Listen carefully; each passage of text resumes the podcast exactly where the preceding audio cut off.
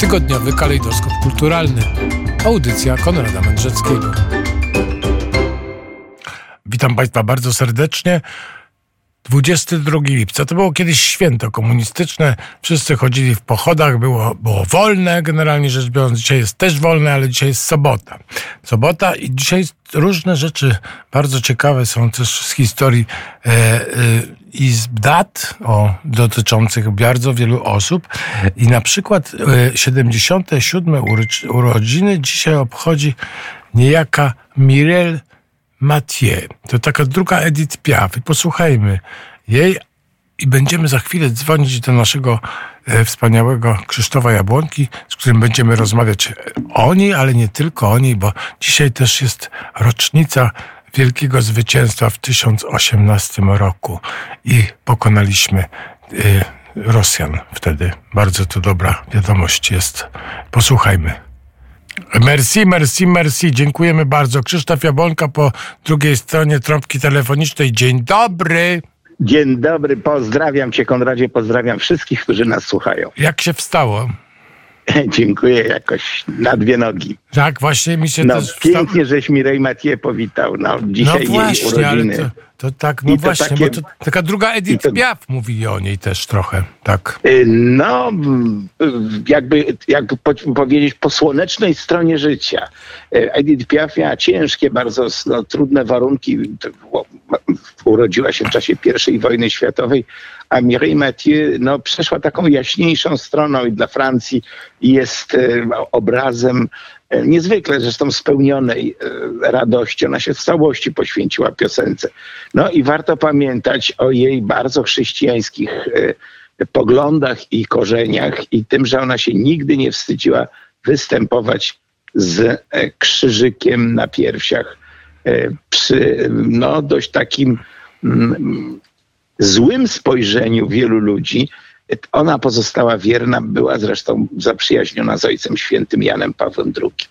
No właśnie, i jeszcze w dodatku z rodziny, jedna najstarsza z 14 dzieci. No to jest właśnie te, ten Tak, tak, jako czas. pierwsza po wojnie się urodziła i ona mówi, że wychowywała te wszystkie pomniejsze dzieci, że ona już własnych dzieci, już nawet nie wyszła za mąż, gdyż poświęciła się piosence.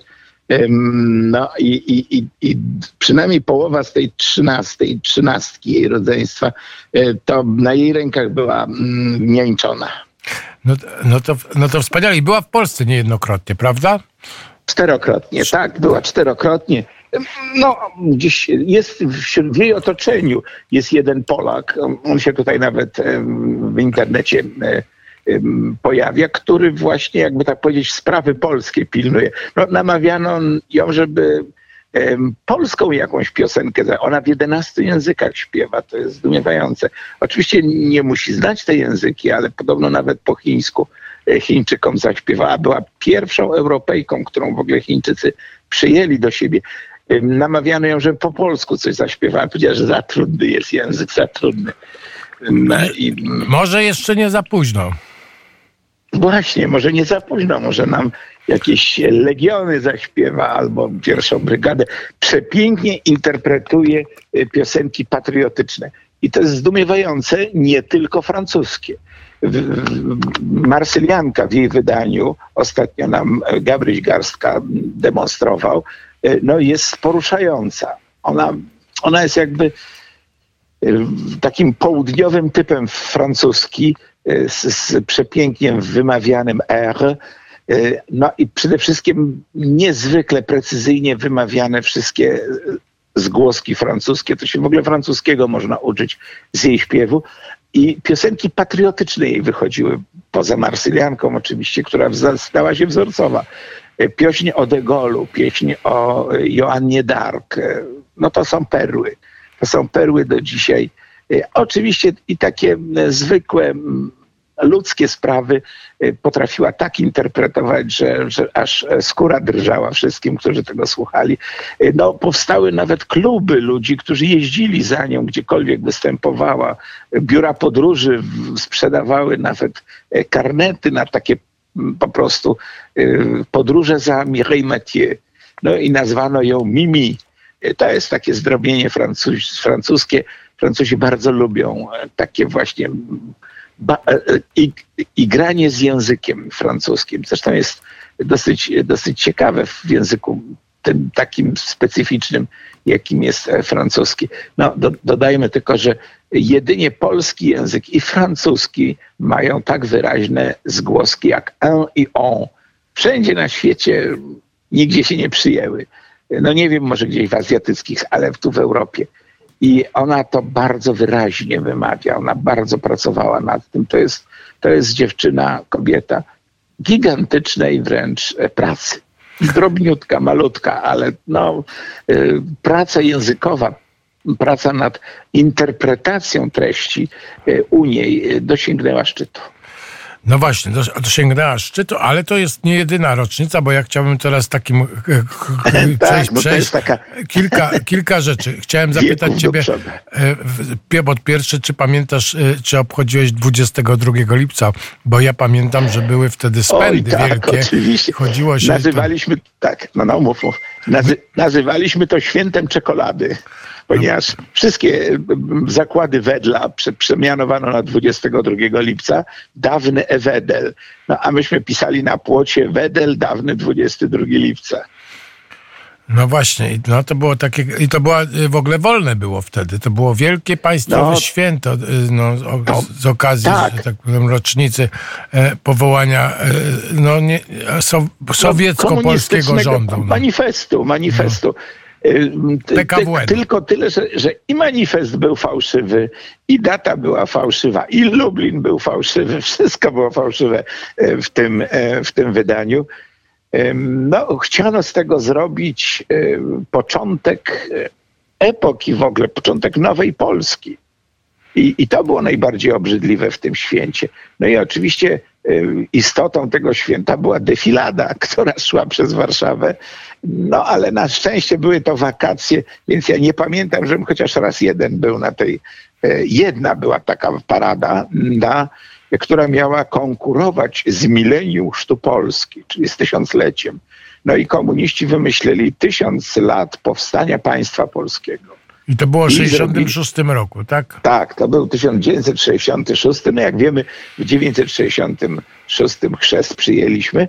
No i wtedy ktoś zażartował, że urodzić się trzeba było wiele wcześniej, żeby móc w 966 być ochrzczonym, że jest to fałszywa data fałszywego początku Polski. Niemniej wtedy w Polsce były ogromne mm, badania i nie wiedzieć dlaczego właśnie wstawiono na 22 lipca. No i wtedy historycy zabrali się za kalendarz i ustalili, że chrzest Polski był 14 kwietnia, Wielką Sobotę E, no, sobotę zmartwychwstania 966 e, roku, obalając ten samym mit o 22 lipca 1966 roku. No ale co ciekawe, pod datą 22 lipca jest też oznaczona wyprawa kijowska z 1018 roku, która zupełnie nie wpisuje się w narrację komunistyczną, prawda? To znaczy śmiano się, że właśnie świętujemy rozgromienie, tak, to jest bardzo ciekawa bitwa, rozgromienie wojsk rusińskich, właściwie Rusi Kijowskiej nad Bugiem. E, o tyle ona jest ciekawa, że zawiera w sobie pewną tajemnicę. E, tajemnicę dostępną nam dopiero po bardzo ścisłym przeczytaniu dwóch, właściwie czterech źródeł, które ją w jakiś sposób koncentryczny opisują. W tej wyprawie wzięło udział około 300 y, rycerzy niemieckich, oddelegowanych, że tak powiem, przez cesarza Henryka II do wspólnej wyprawy na Kijów. No, wynikało to z faktu, że Rusini jako prawosławni poparli Bizancjum, a cesarz pobił się z Bizantyjczykami gdzieś tam na południu Włoch i ostatecznie myśmy zawarli pokój w Budziszynie. E, Łużyce przypadły nam i jednocześnie od razu zawarliśmy sojusz z cesarstwem. No i wtedy dostaliśmy tych rycerzy. I któryś z tych rycerzy opowiedział Titmarowi, jak ta cała wyprawa wyglądała, bo jest to jedna z ostatnich zapisek. Titmar już kilka miesięcy później po prostu kończy kronikę, bo sam umiera. i nie znalazł niestety kontynuatora. Wojska zderzyły się po obu stronach dość wartko płynącego Bugu, w związku z tym, jakby to powiedzieć, trudnego do przekroczenia.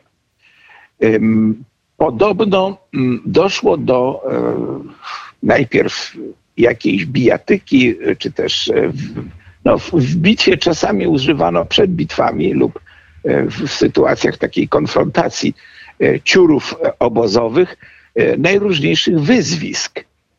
I bitwa się miała zacząć podobno od faktu, że mm, przygotowywano posiłki, no i masaże, czy też kucharze naszego władcy obrzucali przeciwną stronę E, tam mm, wnętrznościami z tych, z tych właśnie przygotowywanych potraw.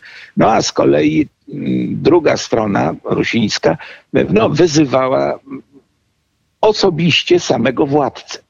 No i władca miał się unieść honorem, e, wsiąść na koni, powiedzieć, no jak wy nie chcecie stanąć, to ja sam tutaj właśnie ruszę przez ten Bóg. Bóg nie jest zbyt szeroki, Natomiast jest dość głęboki, to taka jest jego specyfika. I nagle dzieje się rzecz niebywała. E, no, rycerstwo oczywiście w opowieści Titmara i u Galla Anonima też e, dopisuje e, władcy, to znaczy staje wokół niego i rusza przez tę rzekę. I co się dzieje? Rzeka robi się płytka. I ta cała armia jest w stanie y, przejść, że tak powiem, no, macząc jedynie stopy, y, oczywiście siedząc na koniu. No ale dlaczego ona taka płytka się zrobiła nagle?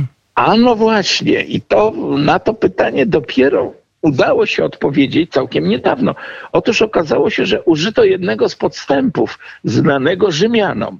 Y, jakieś kilkaset metrów w górę rzeki po prostu wysłannicy Chrobrego zbudowali tamę na rzece i zatrzymali bieg rzeki. I nagle opadł poziom rzeki, tak, że można było po prostu jak do jaru, czy jak do jakiegoś no, wąwozu wjechać i wyskoczyć drugą stroną, nie przepływając tej rzeki, czyli nie będąc zmoczonym. No i w ten sposób obóz e, przeciwnika, który bezpiecznie sobie tam e, szykował się dopiero do, do rozpoczęcia dnia, został zaskoczony potężnym uderzeniem i to dwustronnym wojsk e, Chrobrego. Wojska Chrobrego składały się również z posiłków węgierskich. No już nie wspomnę, że cała potęga słowiańska była wokół Chrobrego. Chrobry w owym czasie do swojego koronowania się był imperatorem Słowia. Tak go nazywano na e, zachodzie. Imperator Slavorum, gdyż podlegała mu e, nie tylko Polska, po raz pierwszy wymieniona zresztą w tysięcznym roku z imienia, ale również Słowacja, Morawy. No, przez rok, około roku e, nawet Czechy, w Pradze był władcą, Czesi go uważają za swojego władcę, jest wymieniony w ich poczcie, nie, nie, nie negują go, tak jak Wacława Czeskiego, oraz e, Łużyce i Połabie. Jedna z kronik połapskich, e, Helbolda z Brzozowa, e, mówi o tym, że połabianie w jakiś sposób mu podlegali. Dzisiaj już nie dowiemy się w jaki, ponieważ kroniki czasów Chrobrego niestety zaginęły, zostały spalone, zniszczone w, po jego śmierci. W związku z tym rok 1000, 1018 e, jest jednym z ostatnich, w którym w ogóle cokolwiek wiemy o Chrobrym. No i nastąpiło, e, nastąpiło starcie, w którym strona e, ruska, strona kijowska nie była przygotowana do niego. Tam z trudem się szykowali, w każdym razie popłoch był na tym polu bitwy i do wieczora rozgromiono liczniejszą, znacznie liczniejszą armię Rusinów kijowskich no, biedny Jarosław zbiegł aż do Nowogrodu, a Nowogród był jego rodzinnym miastem, z którego on ruszył na podbój Kijowa kiedyś. No i przypomnijmy, Chrobry wystąpił e, w imieniu swojego szwagra, swojego zięcia, któremu dał swoją córkę, nie znano z imienia, Bolesławne, za małżonkę. Został on przepędzony po przegranej bitwie pod Lubeczem. No, miała miejsce taka w grudniu 1017 roku. No i już w 18 Jarosław zdobył Kijów. I teraz ruszyła właśnie wyprawa przywracająca do władzy Świętopełka. Ale co jest ciekawe, w żadnym wypadku Polacy nie zdobywali Kijowa, wręcz odwrotnie. Kijów uratowali, gdyż e, korzystając z całego zamieszania, Kijów napadli Pieczyngowie. Pieczyngowie byli no, takim ludem e, koczowniczym mm, pochodzenia tureńskiego, e, tacy następcy Awarów, a poprzednicy Połowców którzy e, oblegli Kijów i usiłowali go podpalić. Kijów był już na granicy e, poddania się. Oni już nie byli w stanie tam e, bodajże wytrzymać tego okrążenia, kiedy nadjechały właśnie wojska Chrobrego i Pieczyngowi po prostu uciekli. No wtedy... właśnie, kwiaty i w ogóle było wielkie wkraczanie mieszkańców tak, Kijowa. Tak, wtedy Chrobry wjechał właśnie uroczyście do, do Kijowa, witany zresztą, bo to mówią źródła ruskie, przez Kijowian jako wybawiciel, a nie jako ten, który podbił. No, z, takiego, jakby to powiedzieć, zwycięzcę czy też takiego, który miał upokorzyć Kijów, zrobił z niego dopiero Gal Anonim, który twierdził, że właśnie wywijał swoim mieczem nad bramą, złotą bramą kijowską, no i stąd miał powstać Szczerbiec. No, Szczerbiec znany nam e, jest mieczem Bolesława Pobożnego z 1264 roku, czyli 200 lat później. Natomiast jeszcze nie było Złotej Bramy. W związku z tym cała opowieść Galla Anonima jest e, wymysłem. No, czysta propaganda po prostu. No. Tak. E, po, po, prostu się rycerstwo przechwalało i, i, i, coś takiego wymyśliło. Natomiast związana jest z wizytą w Kijowie inna, bardzo ciekawa, romantyczna historia. Otóż e, Chrobry po raz drugi trafił, właściwie po raz trzeci trafił pod Kijów. Pierwszą wojnę miał jeszcze gdzieś w X wieku, w 998, ale w 1013 roku był pod Kijowem i wtedy e, prawdopodobnie, tak się przypuszcza dzisiaj, zapoznał się z najmłodszą z sióstr Wład Jarosława, z Przedsławą. Kiedy zmarła mu żona w 1017 roku, on natychmiast wystąpił o, e, z prośbą o rękę tej Przedsławy. Czy się w niej zakochał wtedy, czy jakoś tak się, czy oboje się zapoznali. W każdym razie tu wyraźnie oboje tutaj współdziałali i bardzo ważna rzecz, e, upokorzył go wtedy Jarosław, odmawiając mu ręki swojej e, siostry. I co się dzieje? W momencie, kiedy zdobył, e, zajął Kijów, e, zabrał tą przedsławę ze sobą do Polski. Jako brankę. Chyba e, poważniej. E, to Gal, e, Gal twierdzi, że, że dokonał na niej gwałtu i tak dalej. Tam. Nie, nie. E, to jest ciekawa rzecz, mianowicie e, e, on ją zabrał jako drugą żonę. On po prostu miał dwie żony. I e, ponieważ pierwsza była taka typowo oficjalna, stąd też spadła na niego klątwa Radzim, Radzima Gaudentego, że tak się właśnie e, jako władca niemoralnie prowadzi. No, A on ją osadził. No, no, naruszył w pewnym sensie kanony, ale no jakby to powiedzieć, no nie, nie oparł się sercu.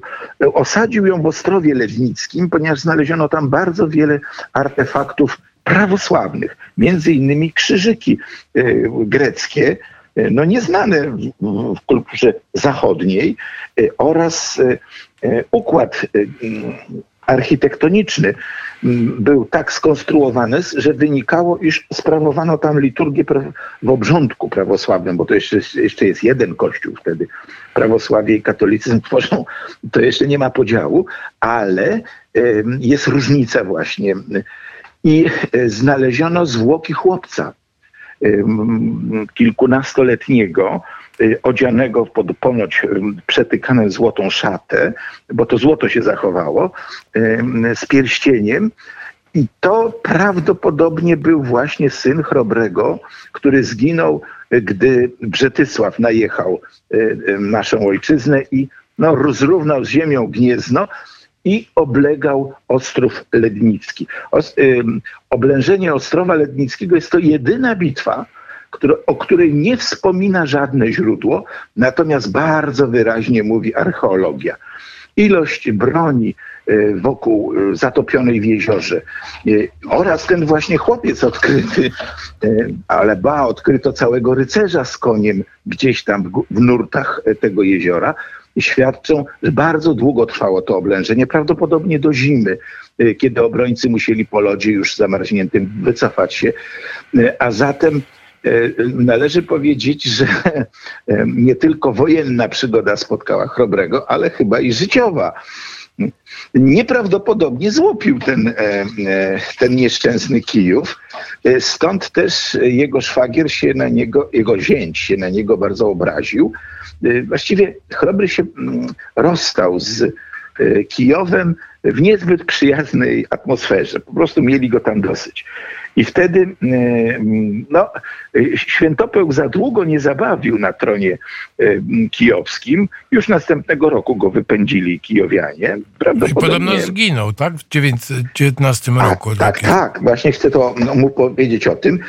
E, I wtedy on po raz drugi zjawił się u Chrobrego z jakimiś darami tam, z jakimś złotem, czy coś tam, co tam wywiózł z tego Kijowa. I wtedy wypędził go Chrobry. Powiedział, że już nie chce mieć z nim wspólnego nic. Zachował się paskudnie e, jako gospodarz, gdy ten go przywrócił do władzy. No to niech sobie sam radzi. I wtedy on postanowił dotrzeć do Czech. I przeprawiając się przez Sudety, gdzieś w którejś przełęczy sudeckiej, no Sudety jak wiemy nie są duże, został napadnięty przez zbójców, zbójców lub wysłanników Jarosława i zamordowany i przeszedł do historii Rusi mm, jako e, świętopełk okajannej, czyli przeklęty. Jemu się przypisuje bowiem wymordowanie e, współbraci, czyli Borysa Gleba, świętych, Światosława.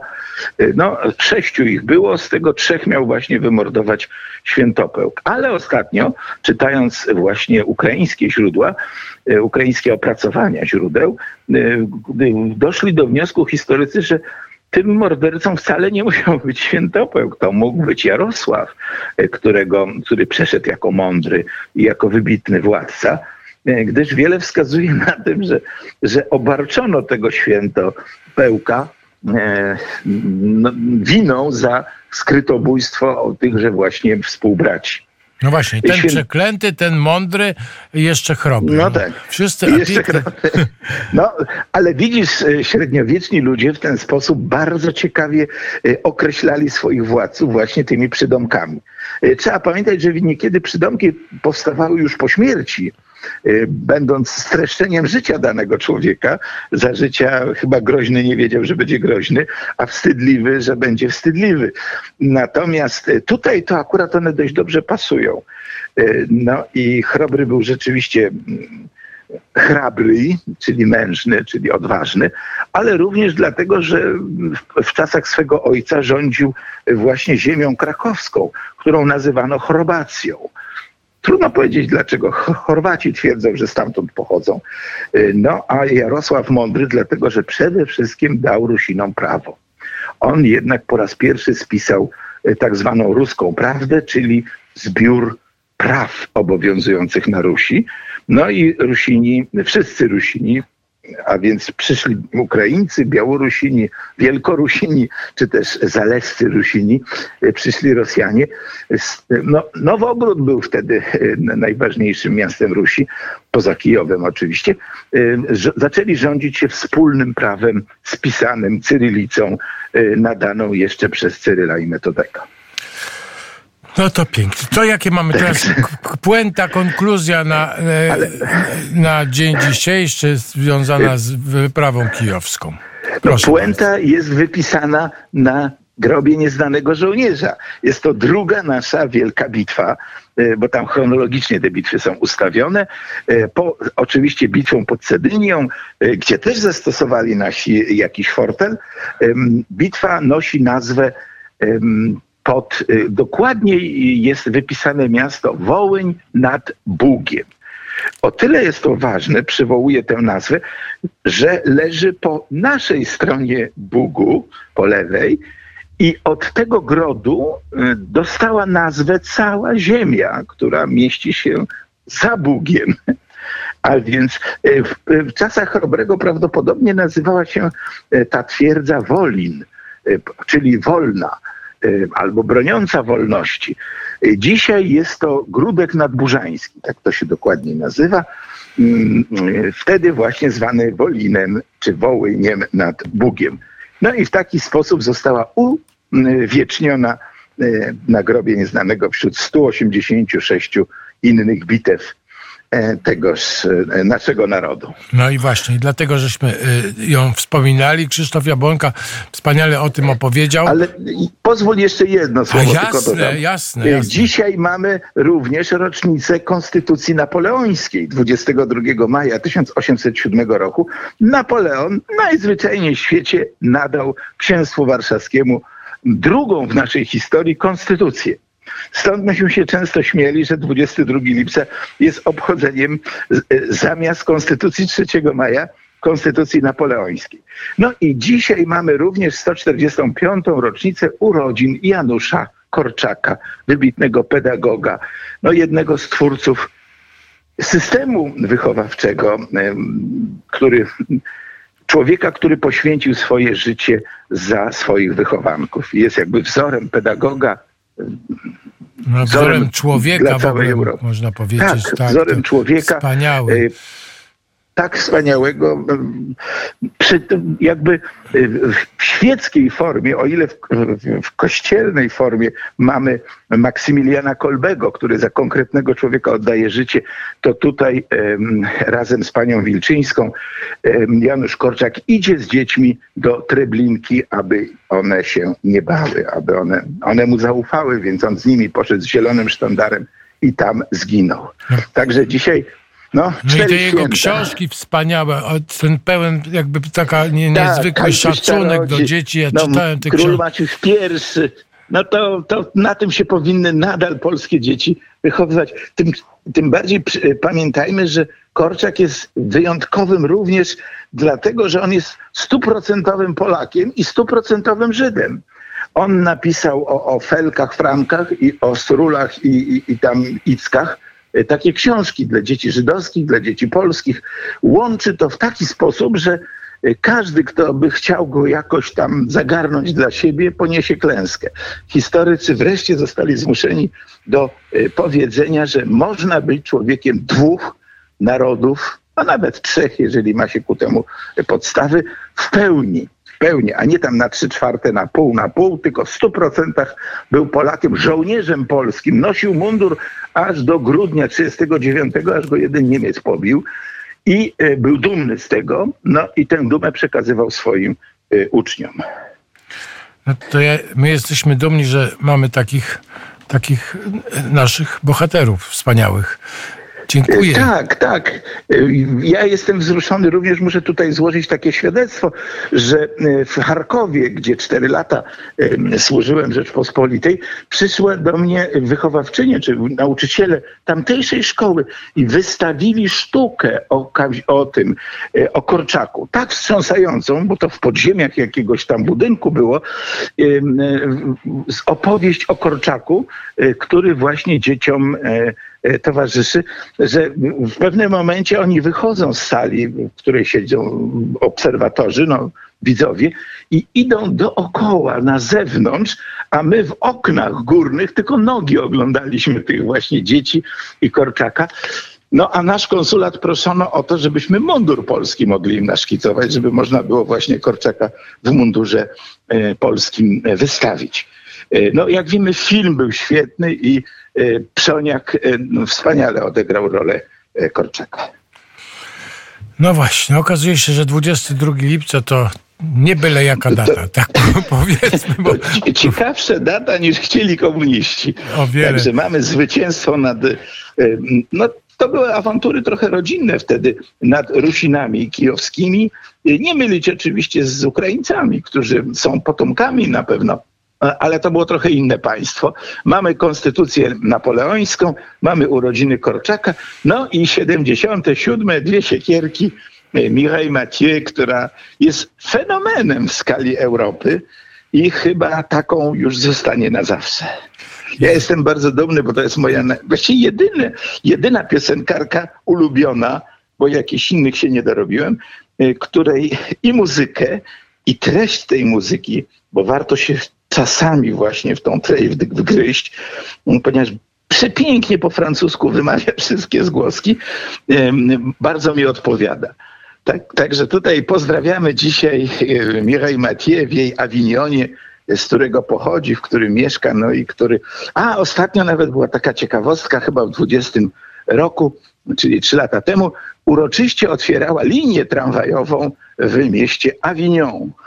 Na moście w Avignon. na moście w Avignonie, tak. No, tego mostu to jest tylko śpiewa. pół.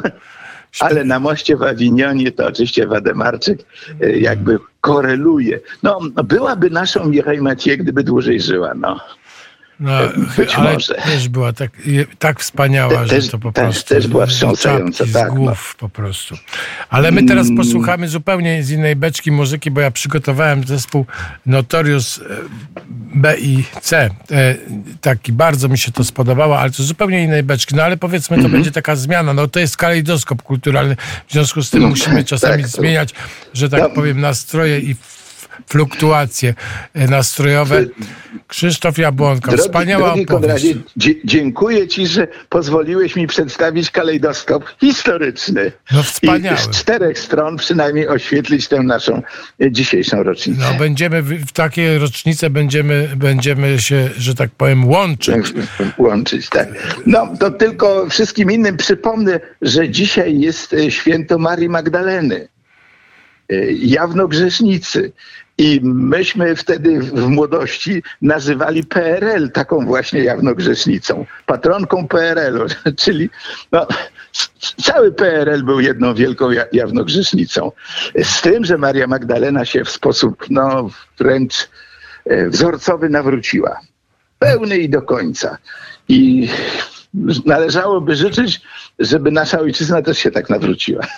No właśnie, nic innego nam nie pozostaje, ale na pewno na się nawróci. No, tylko to jest droga, to jest droga, to jest droga i droga i, i ci wszyscy się nawracamy tak, codziennie. Wszyscy jesteśmy w drodze no. I, i, I, wszyscy musimy się w tej drodze wspierać i wtedy jesteśmy braćmi. Rzeczywiście w momencie, kiedy się wspieramy, to potrzebujemy siebie nawzajem. Ja ciebie, Konradzie, ty mnie czasami i wszyscy razem potrafimy coś wspólnego.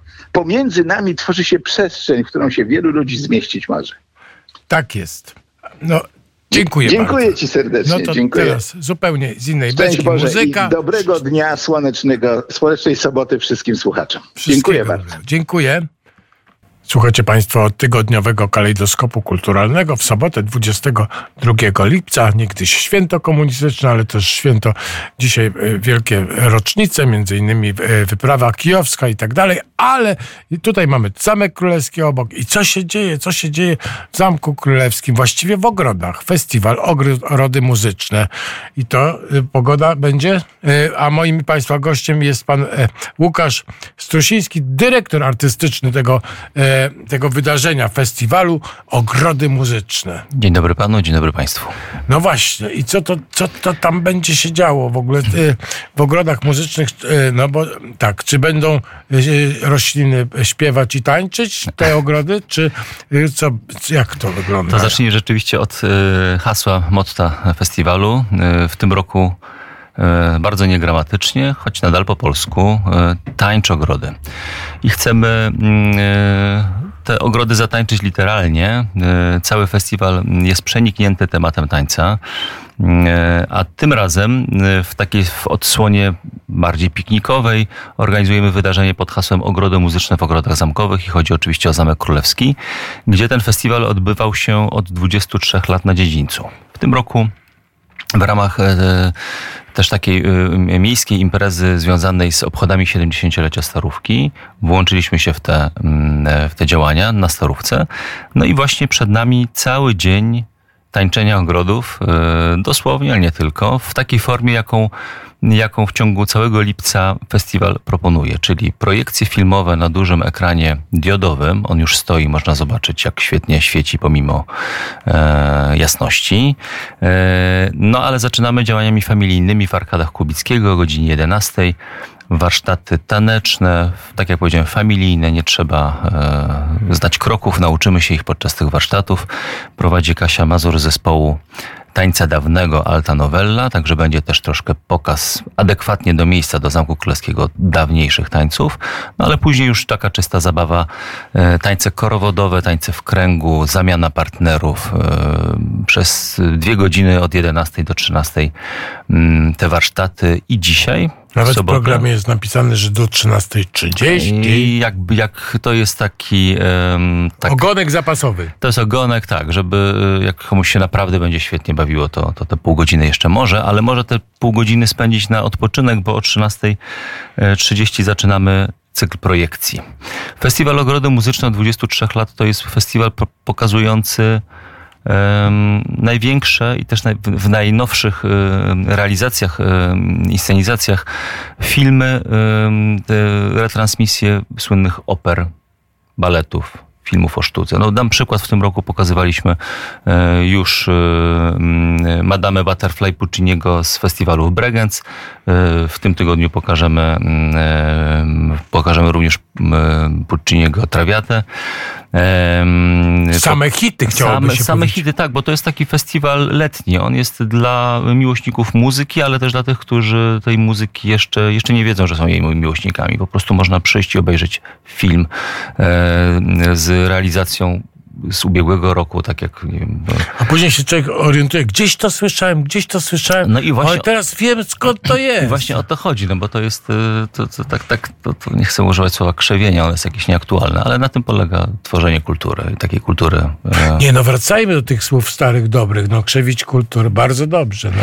Cukier e... krzepi na przykład, to pięknie było. Zatem... Y, Czy krzepi? Krzepi. No. Chociaż podobno biała śmierć, ale zostawmy to na boku. E, idąc tym wątkiem projekcji filmowych, dzisiaj i jutro w ogrodach zamkowych, w takiej piknikowej atmosferze będzie 300 y, krzesełek, y, y, leżaków, można przynieść własny kocyk i będziemy mogli oglądać te, te realizacje akurat koncertowe. O 13.30 Hollywood in Vienna to jest taki koncert z wiedeńskiego koncert house'u, który pokazuje muzykę z filmów Disneya. Myślę, że to jest bardzo fajna oferta. Jak ktoś już z tymi, z tymi dziećmi potańczy familijnie o 11. Jakieś tam e, Mustangi, Pocahontasy, tak? Tak, dokładnie. Akurat to jest muzyka m, mm, dokładnie e, kompozytora e, Alana Menkena, który wyspecjalizował się w pisaniu muzyki do filmów disneyowskich i tam będą i ci zaplątani i, i, a, mm, i lampa Alladyna. To oczywiście bez... Cudowna bez, oczywiście. Cudowna lampa Alladyna. Każdy by chciał taką mieć, chociaż to ma swoje niebezpieczeństwa, zdaje się. No właśnie, także to o 13.30 Hollywood in Vienna i konkretnie poświęcone Disneyowi. Potem mamy małą przerwę na muzykę na żywo, no bo festiwal to też są koncerty na żywo. W tym roku w całym festiwalu mamy sześć koncertów mm, takiej muzyki powiedzmy poważnej.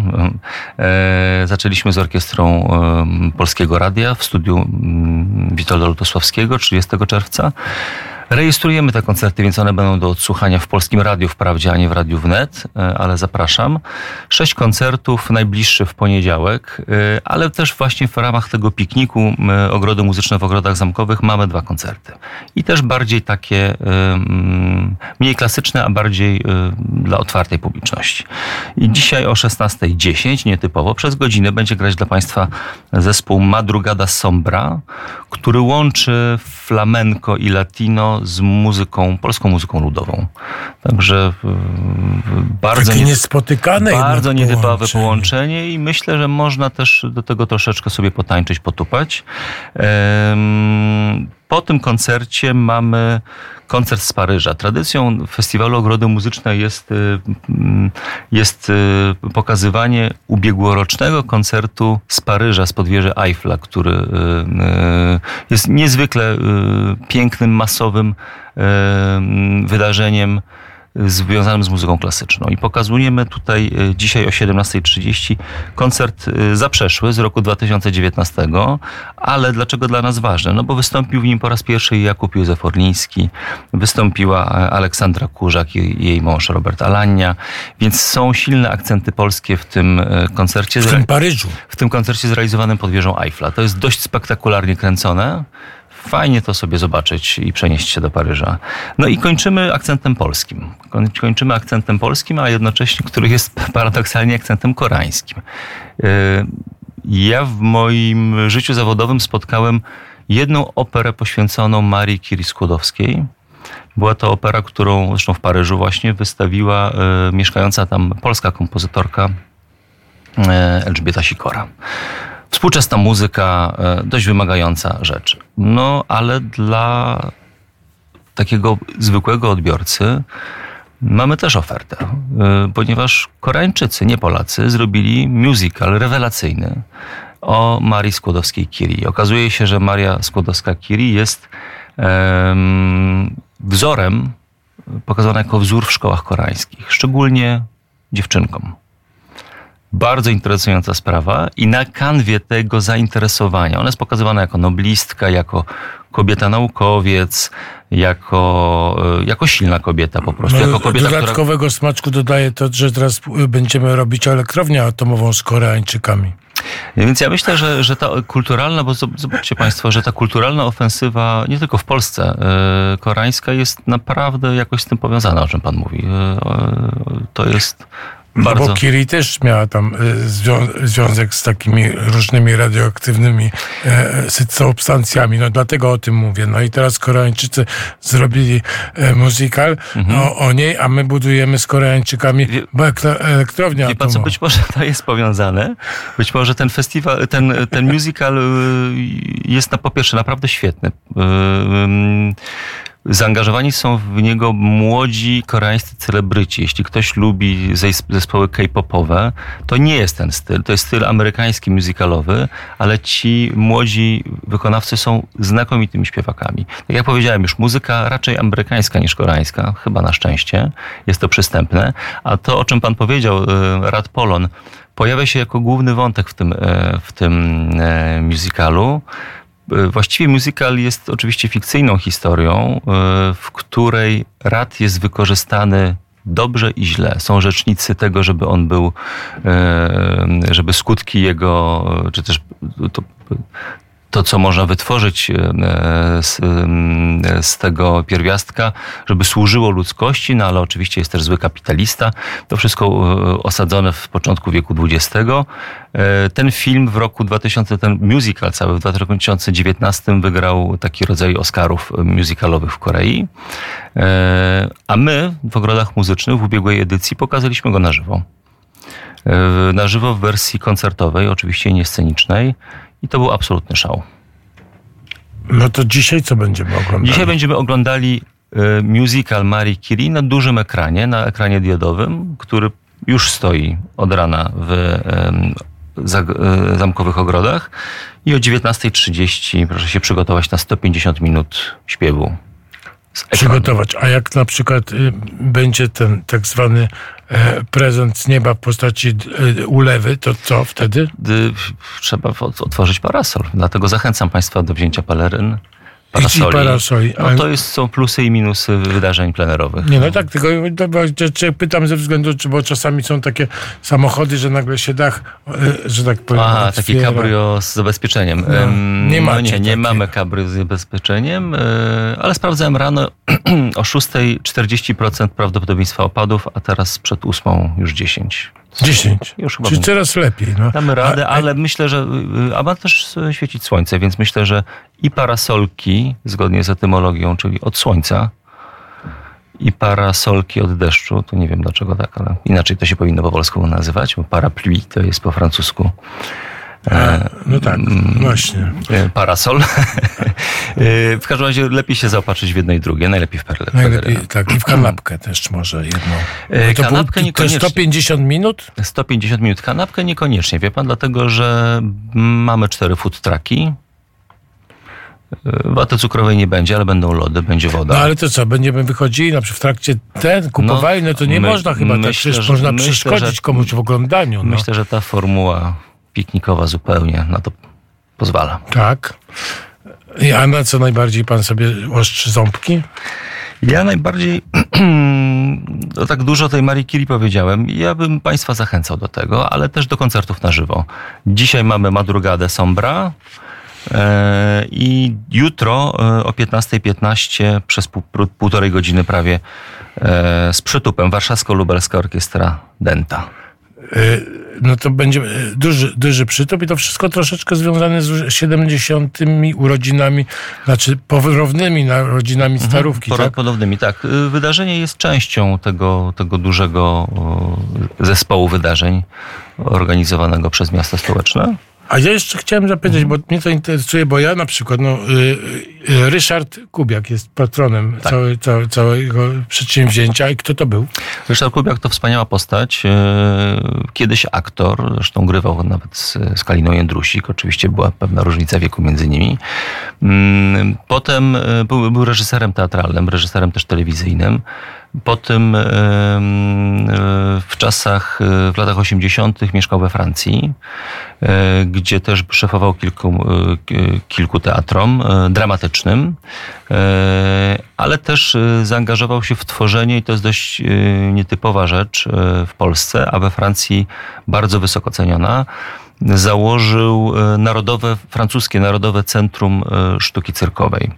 Tak jak mówię, w Polsce cyrk jest uważany za taką troszeczkę może pośredniejszą sztukę. Em, Cyrk we Francji to jest cyrk artystyczny, bez zwierząt, głównie koncentrujący się na, mm, e, na akrobacji, na e, świetnym świetnej inscenizacji wydarzenia, na opowiadaniu historii. Bardzo wyjątkowa sprawa i za tą, za tą zasługę, jaką było stworzenie Centrum, em, e, Centrum Sztuki Cyrkowej we Francji, dostał e, nagrodę tytuł Chevaliera, tytuł kawalera e, sztuk pięknych e, od prezydenta Francji. W Polsce, kiedy wrócił w latach 90., e, szybko zało, założył kilka festiwali, które do dzisiaj istnieją i które są takim stemplem Ryszarda Kubiaka. On bardzo chciał otwierać kulturę, e, całe społeczeństwo na kulturę wysoką. No i mamy ogrody muzyczne na dziedzińcu Zamku Królewskiego, te projekcje od roku 2000. Potem e, e, trwający zresztą też w weekend festiwal Strefa Ciszy w, w Parku Łazienkowskim, gdzie w ciągu czterech weekendów lipca zupe- zupełnie za darmo w różnych lokalizacjach tworzone są mikrosceny i można słuchać muzyki głównie klasycznej na trawce. E, No i wreszcie takie chyba największe dzieło wraz z Sinfonią Warsowią w roku 2010 Ryszard Kubiak sprowadził mm, festiwal La Folle Journée, czyli Szalone Dni Muzyki, który do dzisiaj e, się odbywa i kolejna edycja będzie w, w, tak jak zawsze e, w trzeci weekend mm, września tego roku w Teatrze Wielkim Operze Narodowej. Także Ryszard Kubiak, osoba, która otwierała kulturę wysoką, taką naprawdę najwyższą, tak? Operę, balet, przyjaciel Maurice'a Beżarta chociażby, e, dla bardzo, bardzo szerokich grup społecznych. No niestety e, pandemia go zabrała e, w grudniu e, 2020 roku. Bardzo szybko przyznaliśmy w związku z tym patronat jego imienia festiwalowi, no i oto mamy festiwal już od trzech lat, festiwal jego imienia. No właśnie, no dla mnie to nowość. Ja Zygmunta Kubiaka znam. To też jest e, człowiek, który wprowadza e, nas jakby na najwyższe diapazony kultury, że tak powiem, ale literatury głównie i tłumacz i wspaniały pisarz. E, no więc jest Zygmunt Kubiak i jest Ryszard Kubiak i no o, Jest jeszcze Zygmunt Krause, to jest drugi założyciel festiwalu, słynny kompozytor. Niektórzy mylą, mylili to ale zawsze nie, mówili nie Zygmunt. Kubiak już. tak? A co, posłuchamy teraz Adama Struga? Tak, Adama Struga posłuchajmy, bo ubiegłoroczną y, y, edycją rozpoczęliśmy taki cykl Śpiewaj Ogrody. To poświęcone było y, sztuce śpiewu. W tym roku tańcz ogrody, w przyszłym roku pewnie będziemy grali ogrody. Zobaczymy, co to wyjdzie, w kierunku pewnie improwizacji.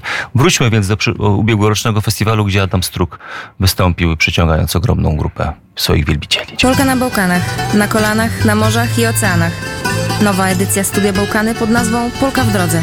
relacje z podróży, wywiady i muzyka z czterech stron świata. W niedzielę o godzinie 17. Zaprasza Liliana Wiadrowska. To była autopromocja.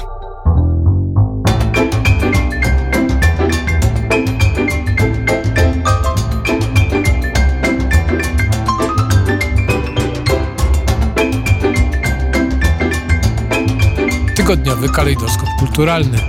Audycja Konrada Mędrzeckiego. Tak, tak, jesteśmy bardzo przebudzeni. Tygodniowy kalejdoskop kulturalny. To przebudzeni to, to już taka, taka, taka zajawka y, następnej rozmowy, ale jeszcze y, jesteśmy z panem Łukaszem Strusińskim i opowiadamy o, o, o śpiewających ogrodach, tańczących ogrodach i wywijających chołupce ogrodach. I co będzie jutro jeszcze z tymi ogrodami? Jutro w, nadal w ogrodach zamkowych mamy program troszkę według podobnej struktury jak dziś.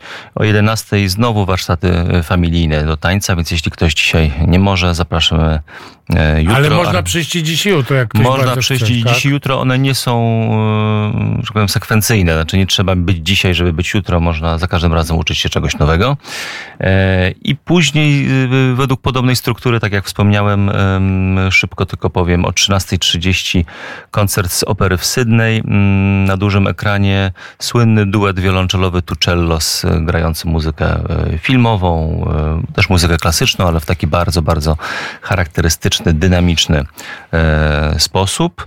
Później, tak jak już wspomniałem, zabawa taneczna, półtorej godziny z, warszawską, lub, z warszawsko-lubelską orkiestrą Dentą. To koncert na żywo, przed tym ekranem, który właśnie, tak jak wspomniałem, już stoi w ogrodach zamkowych. O 17 mamy, no właśnie, David Garrett Unlimited. Niedawno David Garrett, czyli skrzypek wykształcony klasycznie, ale który poszedł w stronę takiego poproka. E, e, zgromadził e, ze swoim nowym programem mm, całą salę Torwar. W kwietniu był ten koncert, a my pokazujemy jego poprzedni program, program David Garrett Unlimited na dużym ekranie.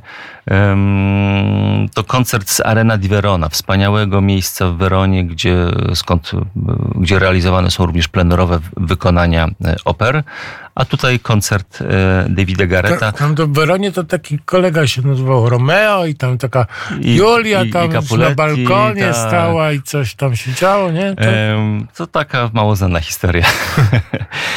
David Garrett to ciekawa postać w tym sensie, że on zaczynał jako cudowne dziecko skrzypiec.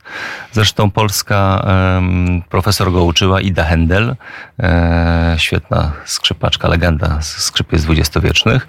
On bardzo szybko podpisał kontrakt ze słynną wytwórnią Deutsche Grammophon, E, ale potem, jak dojrzał, to stwierdził, że porzuci muzykę klasyczną na rzecz e, takich rock popowych aranżacji w tej chwili jest taką klasyczną gwiazdą rocka, tak byśmy go może określili.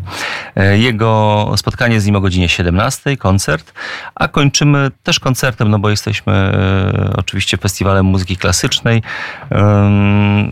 Też taki bardziej pop, pop trio tenorów.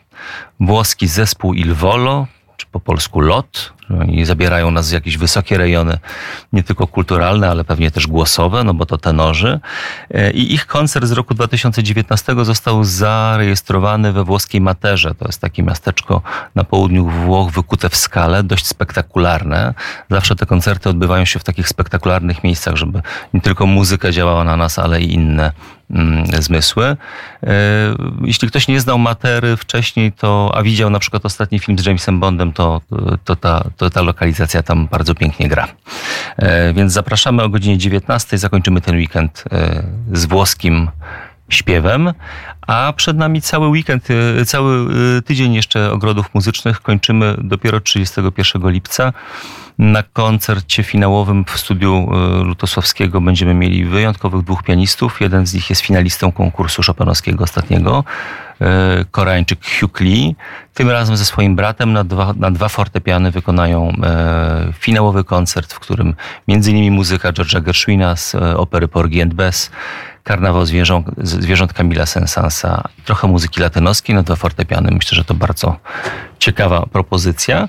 Mamy jeszcze, ponieważ jesteśmy festiwalem, który zawsze odbywał się na Zamku Królewskim, jeszcze w najbliższy poniedziałek mamy koncert na żywo też dotyczący, też spinający, e, czy dotykający wątka, wątku mm, tanecznego. E, trio bardzo, e, w bardzo przyjemnym składzie.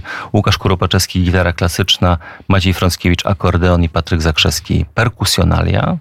E, wykonają m.in. suite dawnych tańców Alfreda Schnittkiego, to współczesny dwudziestowieczny kompozytor, ale też muzykę właśnie Piazzoli, muzykę Luigiego Boccheriniego z początku XVIII mm, wieku, z końca XVIII wieku.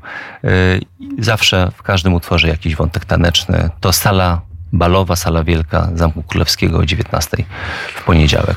To jakby ktoś czegoś nie zapamiętał, to odsyłamy na stronę E, Zamek Królewski no szaleje po prostu, tak bym to ujął, bo też pan też był na wystawie. Za chwilę będziemy rozmawiać z panem profesorem Jerzym Miziołkiem o wystawie Przebudzeni.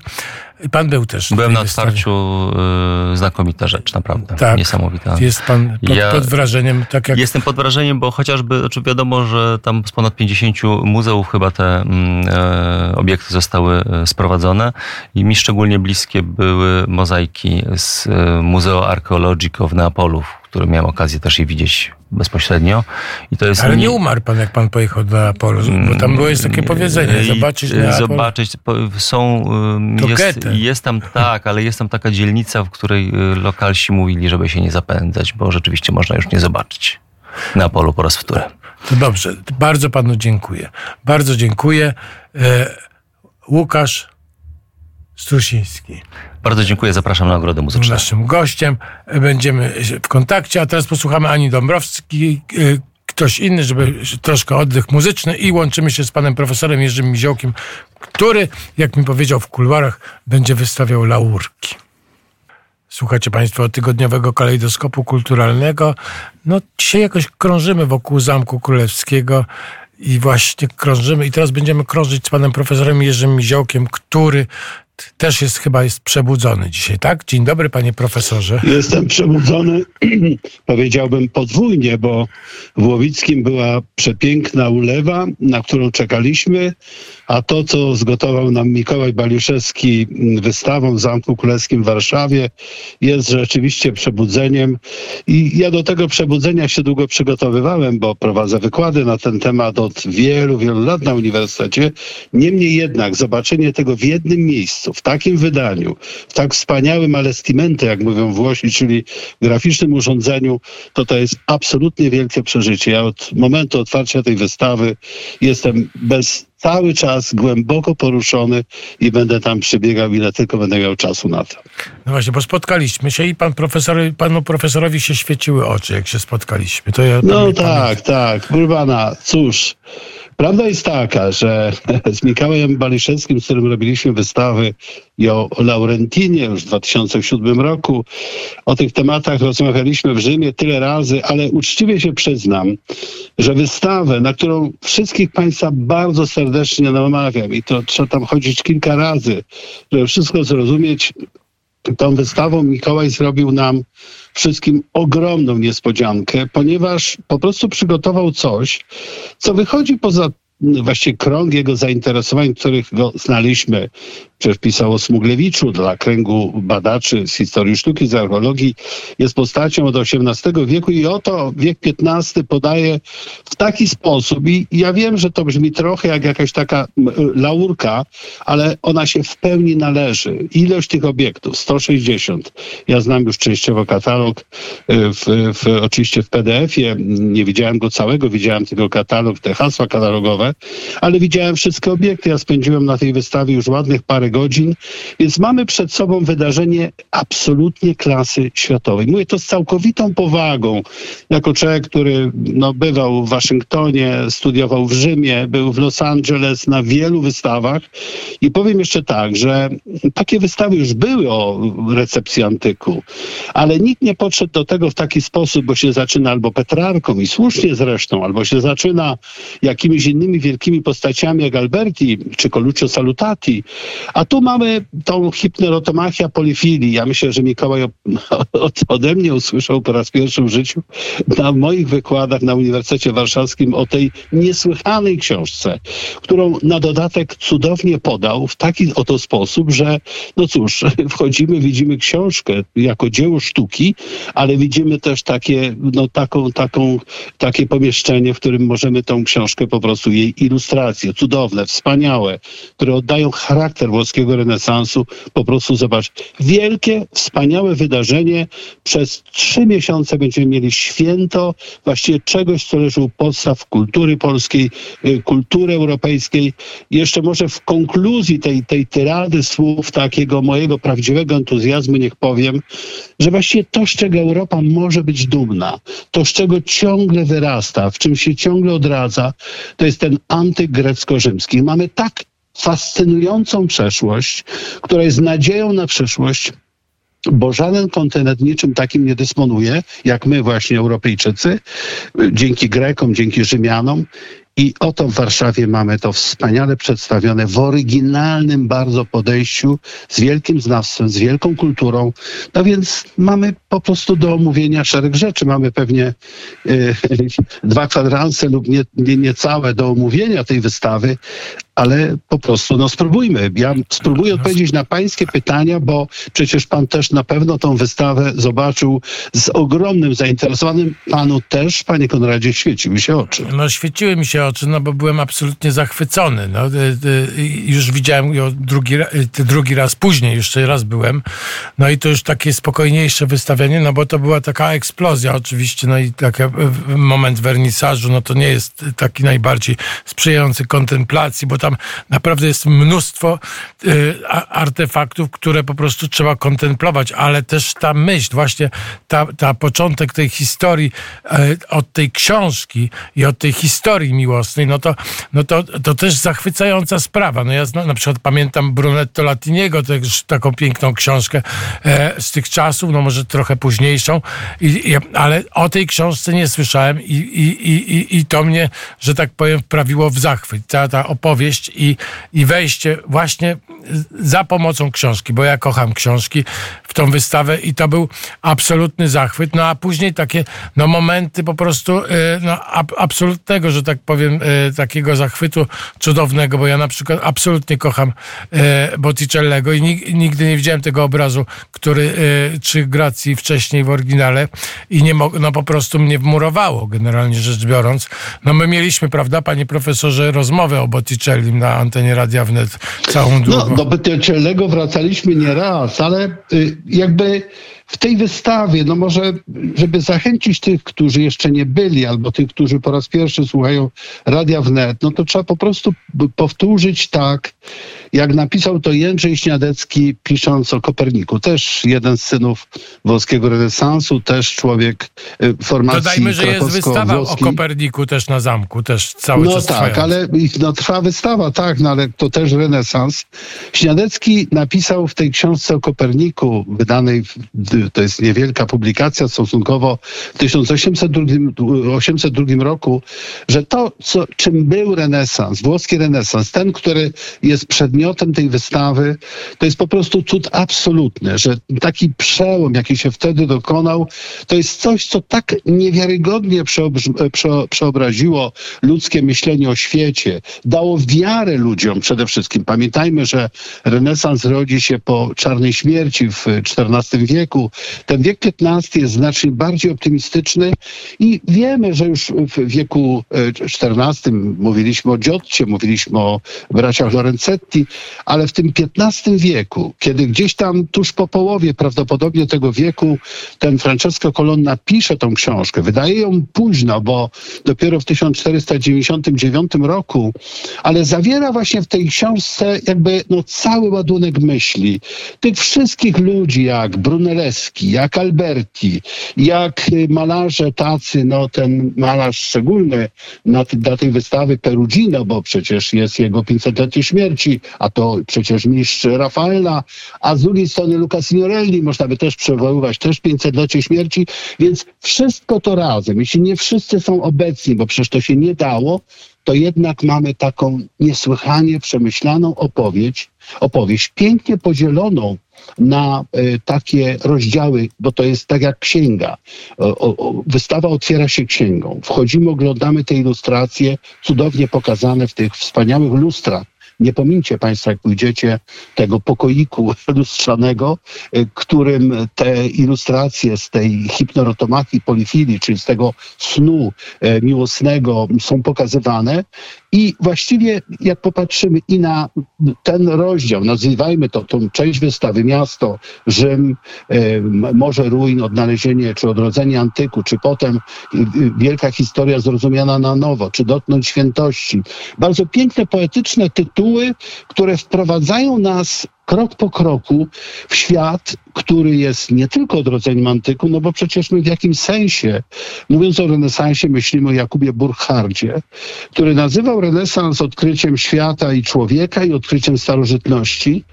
I rzeczywiście to odkrycie starożytności, pokazane tutaj, które pokazuje i wymiar właściwie, jakby to powiedzieć, produktów luksusowych, bo te medaliony z trzema gracjami, te plakietki, choćby filaretę ukazujące Juliusza Cezara, czy inne obiekty, które były w rękach Wawrzyńca Wspaniałego i wielu innych postaci XV-wiecznych i jeszcze na dodatek sfera życia codziennego.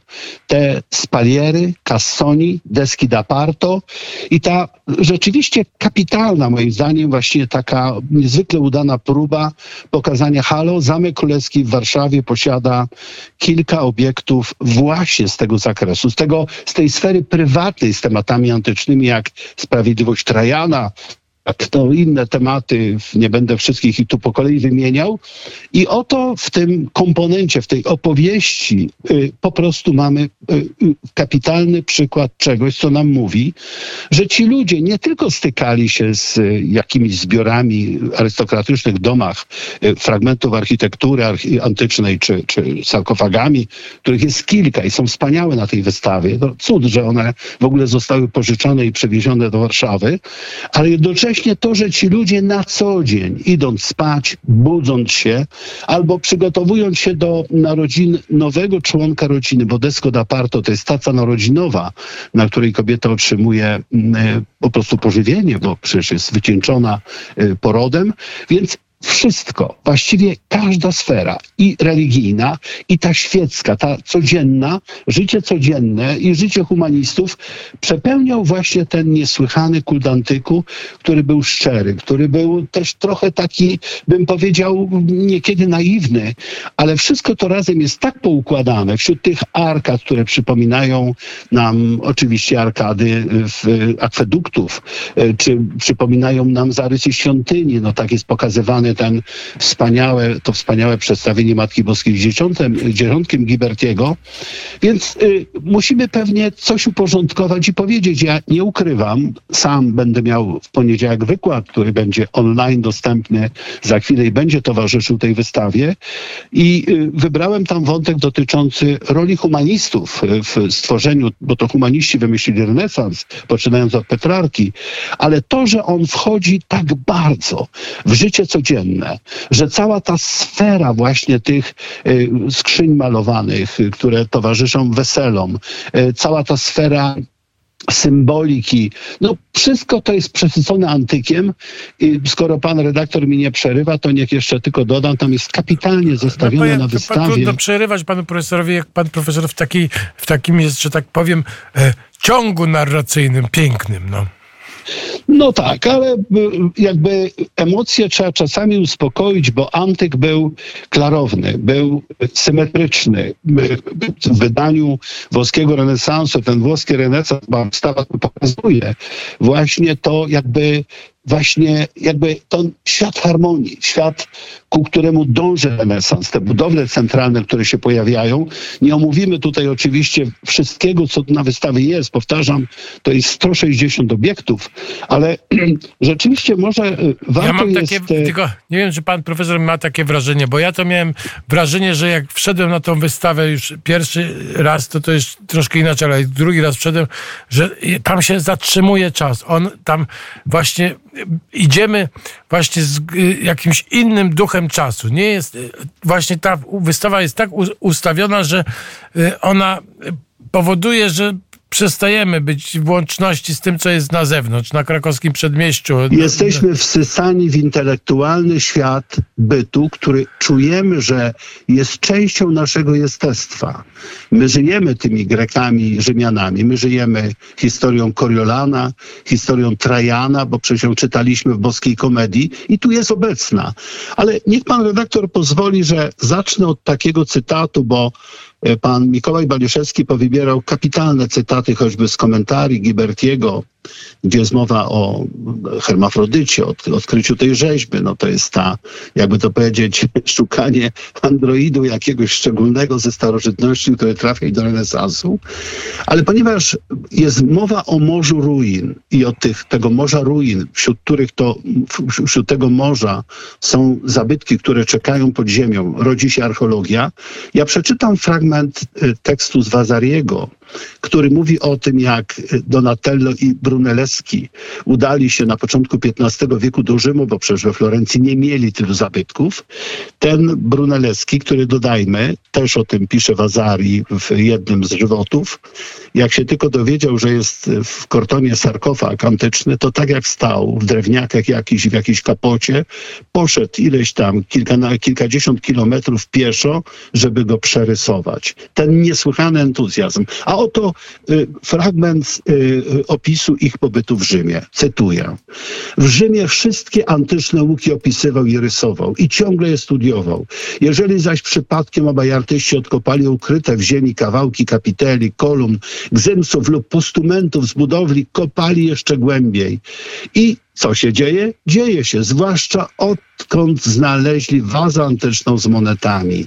Kiedy brakło Filipowi pieniędzy, zarabiał oprawiając, oprawiając kamienie swoim przyjaciołom, złotnikom i dzięki temu pozostał w Rzymie sam jeszcze rok, ponieważ Donato wrócił do Florencji. Oto fantastyczny opis tego entuzjazmu dla tego morza ruin, od którego zaczyna się wystawa i które te ruiny nam towarzyszą, ale to towarzyszą nam wykopaliska, towarzyszą nam wydobyte sarkofagi. No wchodzimy na wystawę na zamek, już holu wita nas sarkofag, który potem z tymi uskrzydlonymi geniuszami, które potoczą, podnoszą coś okrągłego, raz to, raz tamto, ale mamy do czynienia tak naprawdę z całą grupą wątków tematycznych. No i teraz y, jakby patrząc i na architekturę, i na rzeźbę, i na malarstwo, i na sztychy, których wybrano, jedną z rewelacji tej wystawy jest to, że wreszcie udało się rzeczywiście wy, wybrać ze zbiorów które kiedyś zgromadził Uniwersytet Warszawski mm, w części dzięki Stańcowowi Kostce Potockiemu wspaniałe ryciny, które same w sobie stanowią tak bezcenny skarb nasz polski, bo są w Polsce, są w Warszawie.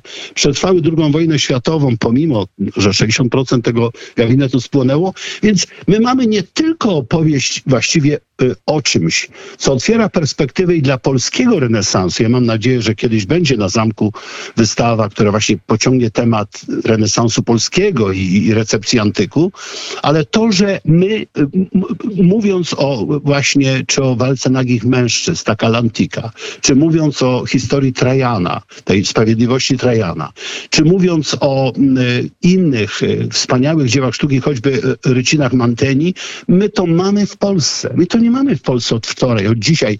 My to mamy od 200 lat, a obecność tych wątków i tematów w kulturze polskiej jest tak ogromna, że właściwie ta wystawa, jeśli ją dobrze naprawdę skonsumujemy, jeśli ją w pełni zrozumiemy jej przesłanie, to uświadomimy sobie, jak bardzo rzeczywiście e, jesteśmy narodem związanym z kulturą śródziemnomorską i jak bardzo właściwie to, co nas w Warszawie otacza, no wystarczy pochodzić po zamku, pójść na Uniwersytet Warszawski, popatrzeć na rzeźbę dekoracyjną. To wszystko wynika właśnie z tego, co się zdarzyło wtedy w XV wieku w Rzymie, we Florencji, ale też w innych miastach, bo przecież kolekcjonowano te zbiory i w Wenecji, e, i, i w Ferrarze. Więc mamy do czynienia z wystawą, która otwiera perspektywę pełniejszego znacznie zrozumienia, skąd jesteśmy i dokąd właściwie z tym możemy pójść. Niech jeszcze raz powtórzę. My, Europejczycy, powinniśmy być dumni z tego, że mamy w przeszłości właśnie starożytną Grecję i starożytny Rzym i mamy do czego wracać. Żaden naród nigdy, ani Chińczycy, ani nawet Amerykanie nie są w stanie tak głęboko przeżyć tego wszystkiego, co wynika, no właściwie z tego, co nam pozostali Grecy i Rzymianie i co w Rzymie zostało tak wspaniale skumulowane dzięki, no właśnie temu, że te zabytki przywożono z Grecji, przywożono z Azji Mniejszej i że właściwie potem, pomimo, że niekiedy są to ułamki, fragmenty czy kawałeczki, w tym romantycznym takim ujęciu wprowadzono w świat klasyczny, no i powstały te wspaniałe malowidła, choćby jak y, Sąd Parysa, o którym pan wspomniał, z kręgu Botticellego, e, czy jak y, Francesco di Giorgio Martiniego, jeszcze jedno podejście do tego tematu. Więc żeby jakby jeszcze raz zachęcić Państwa do eksplorowania tej wystawy, to powiedzmy, że my tam mamy i antyk w czystej postaci. To znaczy mamy ułamki czy fragmenty z y, forum Augusta w Rzymie, y, chyba też coś z forum Trajana, ale przede wszystkim y, mamy całą grupę wspaniale odtworzonych tematów i Alantika, to znaczy takich, no które nawiązują do wzoru, konkretnego wzoru klasycznego i tych wzorów jest tam wiele, możemy je wszystkie wymieniać. mozaiki, no, naprawdę ten Odys po prostu przywiązany do masztu i te syreny, to, to przecież pompejańska historia i nieprawdopodobne to w ogóle, to, to, to, to coś No właśnie, wspaniałego. wytłumaczmy, dlaczego są malowidła pompejańskie, bo to jest ważne, dlaczego one są. Y, kiedyś Stanisław Mosakowski, tak jak Lech Kalinowski, to mówi o dwóch wielkich, wybitnych badaczach tradycji antyku w Polsce, obydwaj pisali o tak zwanej kongenialności.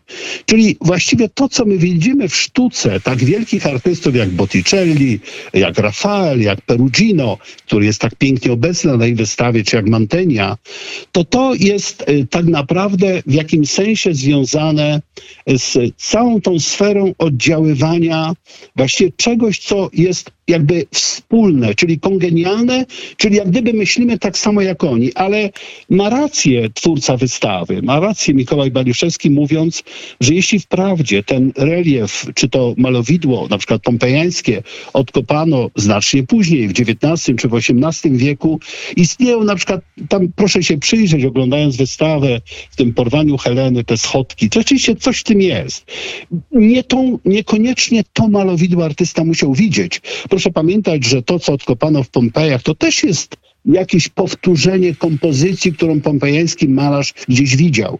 My znamy małą cząstkę tego, co z antyku się zachowało. Wiele rzeczy, które istniały jeszcze w epoce renesansu, przepadło i w tej wystawie jest niezwykle wyważony właśnie jakby y, no, taki stosunek do tego, y, co właściwie można pokazać, co jest prawdopodobne, że było znane, bo fantazjować można. Coś, co odkopano, no nie wiem, 20 lat temu nie mogło być znane znany jakimś tam artystą, ale tu myśl jest taka, że jest prawdopodobne, że widziano jakiś inny wzór, jest prawdopodobne, że to jest y, właśnie z ducha tej sztuki antycznej, a więc y, y, te stołeczki, które pozwalają nam przysiąść. No to jest genialny pomysł. Oczywiście może nie pierwszy w muzeologii światowej, ale przy tych medalionach. No Państwa, wyobraźcie sobie trzy gracje. Te trzy gracje, które znamy choćby z narodzin, e, przepraszam, e, e, z, przepraszam, z Primavery które są też obecne na tym medalionie pani z, z rodu Deli Albizzi. Wszystko to razem, włącznie z tym już wspominałem o dextrarum iunctio, czyli to podanie sobie dłoni. Był taki gest przy zawieraniu małżeństwa mm, w starożytności, że mąż i żona, przyszli mąż i żona, właśnie to się, małżeństwo się dokonuje poprzez podanie rąk. To samo miało miejsce we włoskiej kulturze, we włoskim renesansie. I to samo, to pojawienie się trzech gracji, które symbolizują pewne cnoty kobiece, które się objawiają w właśnie, czy powinny się objawić w każdej kobiecie, nowej żonie. Więc przyglądając się po kolei tym rozmaitym odsłonom wystawy, tym kolejnym y, rozdziałom wystawy, bo skoro książka otwiera wystawę, no to mówmy o rozdziałach, to po prostu mamy okazję poznać, jak nie tylko forma artystyczna, czyli te konkretne wzory, to tworzenie stylu Atlantika, ale wzory konkretne. No, możemy zapytywać, dlaczego jest historia Coriolana? No jest historia Coriolana przedstawiona na e, Cassone, bo jest tam kobieta, która po prostu uratowała Rzym. To jest heroiczna kobieta, to jest wzór kobiety. E, dlaczego się pojawia Parys? Parys e, i na brzegu średniowiecza, bo tam jest taki Parys, który śpi, sądzi, a śpi, no to jest legenda średniowieczna, że Parys nie mógł dokonać sądu na właśnie żywymi oczyma, tylko były to oczy człowieka śpiącego, bo inaczej nie dałby To rady. nie było na jawie, tak. No. Bo że było na jawie, ale dlaczego Parys? Bo Parys jest ideałem piękności, bo Helena jest ideałem urody kobiecej, więc jak gdyby nie pamiętano o tym, że los Troi był smutny. Pamiętano o tym, że to są ideały piękności. Dlaczego jest Putto na odwrociu tego Desco d'Aparto z historią Trajana? Sama w sobie historia Trajana jest fantastyczna, wspaniała, którą pewnie nie wszyscy znają. Nie wiem, czy mamy czas ją opowiedzieć tutaj, ale to Putto, które tam jest, to jest idealnie śliczny chłopczyk, który prawdopodobnie się urodził, a przynajmniej go oczekiwano. On jest modelem dla tego przyszłego Florentyńczyka, czy tam. Y, przypomnijmy, że te, skoro mówię o deski d'Aparto, na przykład zachowało się takie desko d'Aparto z narodzin samego Wawrzyńca Wspaniałego. A więc mówiąc o tych skrzyniach wyprawnych, które są pokazują wzory, które mają naśladować mężczyźni, właściciele tych kasoni i kobiety, właścicielki tych, tych kasoni. Y, Patrząc na te deski d'Aparto, na spaliery. Spaliera, dodajmy, to jest y, malowidło większe, e, które jest na wysokości pleców, spalne po wosku to plecy. I jedną z najcudowniejszych rzeczy na tej wystawie, pomimo, że tam jest mnóstwo cudów absolutnych i to, że cudem jest, że je przywieziono, że je pożyczono, to jest to, że jest Kijowa przyjechało malowidło absolutnie niezwykłe, nigdy właściwie w Europie Zachodniej nie pokazywane, ukazujące historię Orfeusza i Eurydyki. Przepiękna, wspaniała scena, która opowiada o tej miłości, która prowadzi Orfeusza w zaświaty, a potem walkę o nią, kiedy, jak wiemy, łamie przysięgę daną e, Hadesowi, czy no, bogowi podziemia i odwraca się. No nie zaufał, nie zaufał, niestety. nie zaufał, ale proszę Państwa, sama to malowidło, naprawdę. Podobnie jak sąd Parysa Francesco di Giorgio Martiniego, jak ten sąd właśnie Parysa y, z y, pracowni Botticellego. Mm, Wspaniała spaliera, naprawdę malowana z rozmachem, z tym statkiem, który czeka na, na, na Parysa, żeby popłynął do Sparty czy na wyspę Cyterę, skąd przywiezie Helenę. Ale wracając do tego Orfeusza, no po prostu w jakiś niezwykły sposób ten temat, który z taką wielką siłą wrócił do sztuki europejskiej. On był znany w średniowieczu, ale tutaj rzeczywiście ta opowieść, ona po prostu mówi o wielkiej mocy miłości. No bo pytamy, jaki był sens? Jaki był cel malowania takiego tematu, który jest tematem smutnym? No właśnie, rozrywa serce. Y, Uświadamia nam ten centaur, który ciągnie z taką siłą Eurodykę z powrotem do otchłani. To jest pokazanie mocy miłości. No każda kobieta ma, marzy o tym, żeby mężczyzna ją kochał po prostu bardzo. No i to jest opowieść o tej miłości, o potędze miłości. A więc Właściwie w każdym z tych pomieszczeń, czy w przedstawieniu Matki Boskiej z Dzieciątkiem, czy przedstawieniu właśnie którejś z tych historii na tych malowanych skrzyniach wyprawnych, które kiedyś były skrzyniami, pamiętajmy, wchodząc na tą wystawę, tam wśród tych obrazów z hipnorotomachia polifilii pojawia się taka scena, kiedy w pomieszczeniu, w studiolo siedzi jakaś postać i wokół, obok stołu, przy którym siedzi, są skrzynie. Nie ma żadnych szaf. Pamiętajmy, czasy, w których, których dotyczy wystawa, nie było jeszcze żadnych szaf. Szafy wysokie, które zakrywają całe ściany, wymyślono później, w XVI wieku. Po prostu to był świat skrzyni. To były skrzynie często malowane.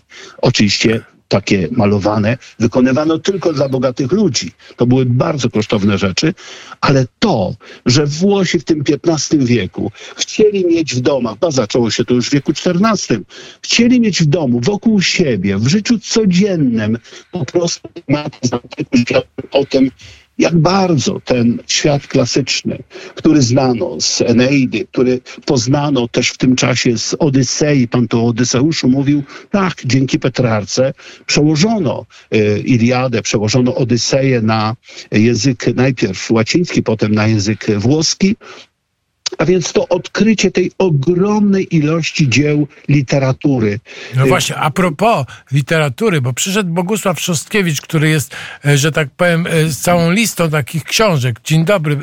E, to... Dzień, dzień, dobry Państwu. Dzień, dzień dobry, dobry panie Bogdanie, pozdrawiam serdecznie. Ja również pana profesora, bo tak się wsłuchałem w to, co pan mówi i od razu szukałem jakichś akcentów literackich. Pan profesor powiedział, Panie że... Bogdanie, tam ich jest tak wiele, że na tej wystawie można spędzić naprawdę dwa tygodnie, żeby się wszystkiego nauczyć. Powiedział pan dwa o, tygodnie. o Petrarce, prawda? E, a przecież ja mam... Właśnie wczoraj przeglądałem sonety do Laury. Widzi pan jaki zbieg okoliczności? E, Michał Anioł pisał poezję. Mam jego tomik poezji. E, przecież Leonardo da Vinci też. Proszę Państwa, przybywajcie na Chmielną i kupujcie te tomiki, bo poezja ja Michała Anioła, która też z antyku wyrasta w jakimś sensie, jest wspaniała, już nie mówiąc o Petrarce, którego myśmy już tu z panem Bogdanem przywoływali. Tak, jest. Przecież Benvenuto Cellini napisał taki e, swój własny mm, e, autobiografię, tak? I, to, I przecież była trzy razy. To się żywot własny nazywa, tak? tak? A on był razy... niegrzeczny bardzo, panie profesorze, ten Cellini, prawda? No tak, ale to ja mam nadzieję, że pan Mikołaj Baliszewski po tak ambitnej wystawie jak ta zaproponuje nam wystawę poświęconą odrodzeniu antyku. No może w kontekście polskim też e, w wieku XVI i wtedy Benvenuto Cellini stanie się jednym z bohaterów bohaterów. Tak, był niegrzeczny, ale proszę Państwa, człowiek bez charakteru nie zrobi nigdy niczego wielkiego. Więc y, Petrarka, no jego grzeczności może nie wiemy wszystkiego, ale tylko ambitni ludzie, tylko ludzie, którzy naprawdę mają charaktery takie wyraźne, są w stanie, są w stanie rzeczywiście pisać i książki, które przyciągają uwagę i tworzyć dzieła sztuki takie jak te, które z takim zmysłem zostały zebrane w Zamku Królewskim w Warszawie, jakimś niewiarygodnym wysiłkiem. Proszę Państwa, sam przecież niektórzy ze słuchaczy wiedzą, byłem dyrektorem Muzeum Narodowego w Warszawie w trudnych czasach, tylko rok wprawdzie, ale wiem, co to znaczy wypożyczenie dzieł sztuki, bo co innego robić wystawę z własnych zbiorów, ale jeśli się pożycza z tylu instytucji, jak się pożycza z Los Angeles, jak się pożycza z Rzymu, nawet jeśli dyrektorem Galerii Borghese jest moja przyjaciółka Francesca Capelletti, ale wiem, jak ona po prostu trudno jest od niej pożyczyć pewne rzeczy, bo je jakoś wyjątkowo pilnuje. Więc wyrwanie z muzeów kapitolińskich, z berlińskich instytucji, czy, czy w ogóle niemieckich, e, tych rozmaitych dzieł, z, wie, przywiezienie sarkofagu z Mantui. Proszę te sarkofagi, które przecież to są ciężkie obiekty. To, że się udało wypożyczyć tą te wspaniałe sarkofagi z tymi e, e, e wiktoriami, które podnoszą e, okrągłe czy to herby, czy to, czy to dysk, e, tak jak to na wejściu widzimy, czy dalej na jednym z nagrobków, to to jest po prostu wydarzenie absolutnie bez precedensu. Mówię to z całkowitą powagą, wiedząc, jak wielki wysiłek musiał być włożony, by te obiekty uzyskać i przewieźć. Sam w tej chwili przygotowuję wystawę mniejszą, y, mniej obiektów w Rzymie na Forum Romanów Kuria Julia i wiem, choć nie ja te obiekty wypożyczam, biorę tylko w tym udział, więc tutaj rzeczywiście jesteśmy winni niewiarygodną zupełnie wdzięczność autorowi tej wystawy, panu Mikołajowi Baluszewskiemu, absolwentowi Uniwersytetu Warszawskiego, y, mojemu współpracownikowi, mojemu uczniowi de facto, mnie pisał przecież pracę magisterską, więc Y, mamy do czynienia z wydarzeniem bez precedensu, które jeśli mądrze wykorzystamy, to jesteśmy naprawdę wejść w y, nową sferę y, poznania, głębszego poznania poszerzenia naszej wiedzy. No i trzeba przychodzić do pana Bogdana i trzeba słuchać audycji pana Konrada, bo po prostu rzeczywiście to są historie, choćby ta historia sprawiedliwości Trajana. No proszę państwa, jest to jedyny cesarz, który według y, y, Dantego, ba, nie tylko według y, legendy złotej trafił do nieba. Nie będę opowiadał historii, zajrzyjcie państwo do internetu, pójdźcie na wystawę, ale czy historia Coriolana, czy historia Trajana, jego sprawiedliwości, czy historia y, Parysa, która nie jest historią, która jest tylko tą, którą znamy z Owidiusza. Tych his tą historię opowiadano sto razy na rozmaite sposoby. Tego wszystkiego na tej wystawie można się nauczyć, ale przede wszystkim przeżyć. I tu się zgadzam z panem Konradem, że ta wystawa, ona bo wspaniale w sublimowany sposób nas wciąga, bo te oświetlenie, no po prostu przygotowanie jakby wnętrza świątyni, której nie ma. Światło ją buduje z tym reliefem, z Matką Boską, z Dzieciątkiem, e, czy arkady, które nas wprowadzają w, w, jedną ze sfer e, wystawy, czy ta rotunda, chodzimy wokół, żeby oglądać Marka Aureliusza i inne rzeźby, to wszystko razem jest naprawdę owocem jakiegoś bez mała genialnego naprawdę pomysłu, który po prostu powoduje, że e, dowiadujemy się o tym, co jeszcze raz jak powtórzę, my wyrastamy z tej kultury.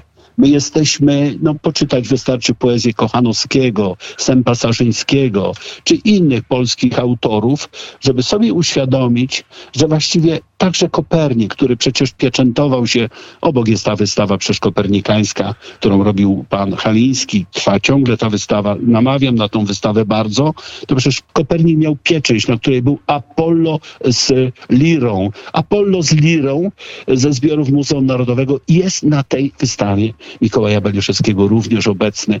A więc czy to będzie po prostu Herakles, kolejny wątek wystawy, czy to będą tematy y, te egzemplarne, które mają nas uczyć zasad, jak w życiu postępować, czy przestrzegać nad przed złymi czynami, wszystko na tej wystawie jest. Naprawdę, Zamek Królewski w Warszawie w tej chwili, w tym momencie, kiedy trwa ta wystawa, otwarta w, w, w, w poniedziałek, czynna dla publiczności od wtorku, z tą wystawą kopernikańską, y, y, tworzą rzeczywiście niesłychaną okazję do po prostu jakby zrozumienia, że jesteśmy ważnym krajem na świecie, że nasza kultura wynika stamtąd, że jesteśmy uczestnikami, konsumentami tej kultury i że jednocześnie mamy, jakby to powiedzieć, o tyle dobrą przyszłość, że zawsze ten antyk, y, kiedy przychodziło odrodzenie y, właśnie ideałów starożytnych, ideałów z literatury czerpanych, tutaj myślę o panu książka, które posiada w ofercie No właśnie, bo to jest pan Bogdan. świetne przygotowanie do takiej wystawy, właśnie wizyta i lektury, właśnie, tak, które tak. mógłby zaproponować pan, pan Bogusław. Tak, wystawa jest wyzwaniem, bo tam się trzeba nauczyć. To jest, jest kilka poziomów percepcji tej wystawy.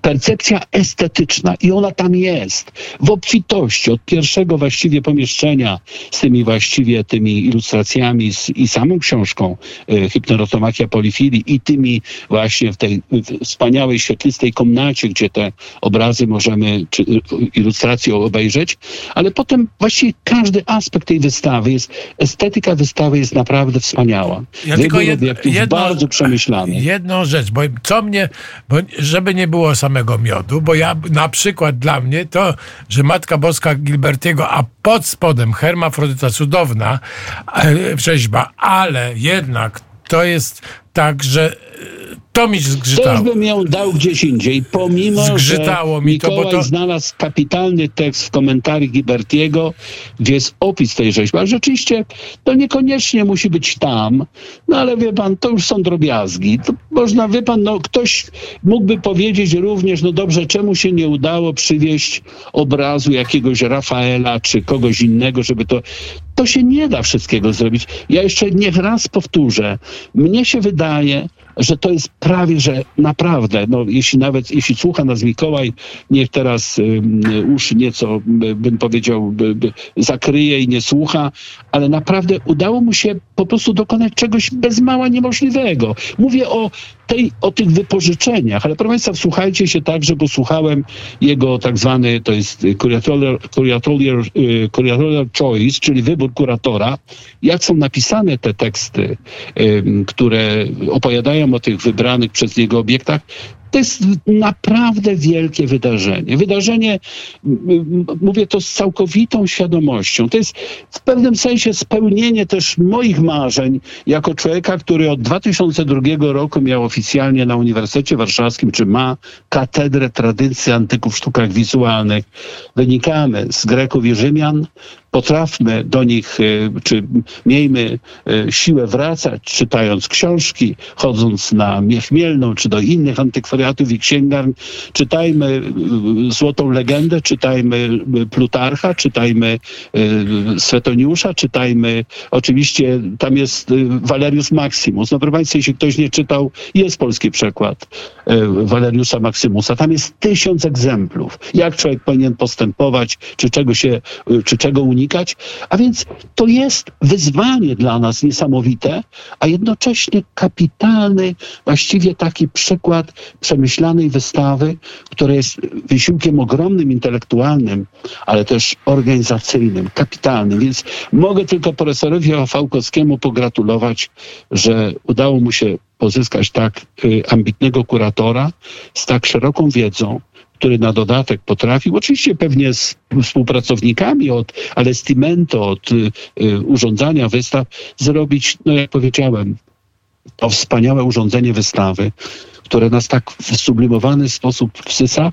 Ja odniosłem wrażenie, przechodząc po raz któryś już, bo ja przychodziłem, wychodziłem z tej wystawy, jak wychodzimy z niej, jak wchodzimy tą sferę właśnie tego, tej idealnej nagości, tam też jest kilka kapitalnych smaczków, w tym sensie, że jest rzeźba, która jest na pewnej rycinie, czy na pewnym rysunku z, z, z, z przełomu XV na XVI wiek, więc odnosi się wrażenie, że jakby się chciało jeszcze, ale to jest opowieść długa, to jest opowieść e, świetnie podana, bo jak powiadam, tu można przysiąść, tam można przycupnąć, tu się pochylić nad medalionem, a tu po prostu y, kolorystyką, malowideł się zajmować. Wielki, wspaniały triumf czegoś, co nazywamy tradycją antyku grecko-rzymskiego. Jest w Warszawie, no i trzeba to po prostu umieć wykorzystać, trzeba.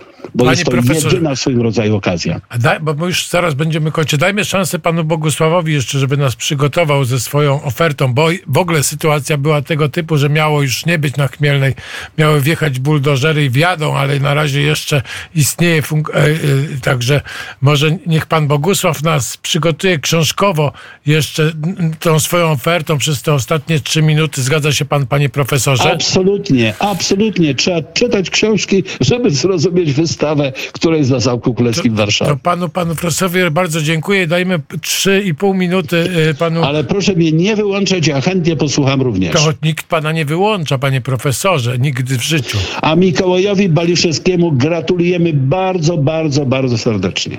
Tak jest. Dziękuję panie profesorze i właśnie to zdanie, że trzeba czytać, żeby zrozumieć. No to, to jest po prostu jak gdyby esencja. Trzeba czytać i te książki, które które tam mamy na tych straganach, bo, bo, bo, są jeszcze dwa dodatkowe stragany moich kolegów. Trudno powiedzieć, żeby tam jakaś była stała oferta, bo to się bardzo szybko zmienia. Na przykład jestem przekonany, że wszystkie książki, które mamy o antyku, sprzedają się bardzo szybko. U mnie bardzo szybko, obok bardzo szybko, dlatego że po prostu Polacy tłumaczyli y, książki y, starożytnych autorów, potem autorów renesansowych. Pan tutaj przywołał y, Kochanowskiego, Jana, chyba też Piotra, i którzy po prostu mm, to nas wszystko przybliżali. I my to wszystko mamy. Sama jeżeli, jeżeli dobrze wiem, to same w, autobiografia Benvenuto Celliniego była trzykrotnie tłumaczona. Ostatnie tłumaczenie to jest Leopolda Staffa. Mam książkę o Michale Aniele Leopolda Staffa. Te wszystkie książki mamy, ale tylko na, na chwilę, bo przychodzą tam ludzie, którzy po prostu mm, te książki kupują i my, my im też te książki, y, te książki mm, oferujemy. Taka jest nasza rola, że chcemy doradzać. Jeżeli, jeżeli po prostu y, ktoś nie, nie ma problemu, ma problem z wyborem, no to my doradzamy książki współczesne, książki. Także wszystko możemy tam u nas znaleźć, a niestety to będzie za, mm, za miesiąc, dwa będzie to już zamknięte aż do, aż do y, zakończenia y, zakończenia przebudowy tej ulicy, niefortunnego moim zdaniem. Y, Ale ja też niedaleko tam otworzę taki antykwariat, gdzie będą, też będzie możliwość zakupu, zakupu książek. Pan ma bardzo dużo książek, panie profesorze. Ja mam mnóstwo tych książek. To jest po prostu jakby pokarm dla duszy i wszystkich, wszystkich po prostu. Wiele kupiłem u pana przecież również. A jeszcze pan teraz nie był dawno, a ja mam tam jeszcze takie cymesy, że po prostu... Więc zapraszam pana, zapraszam wszystkich i y, te książki, każdy znajdzie dla siebie coś, coś ciekawego. Przede wszystkim będzie po prostu odżyje, bo to nie tylko samą strawą y, fizyczną y, żyjemy, ale duchowa jest najważniejsza. Dziękuję bardzo. Dziękujemy bardzo, bo tu już czas na wiadomości. Dziękujemy. Wszystkiego dobrego, do zobaczenia na Zamku Królewskim. Do zobaczenia na Zamku Królewskim.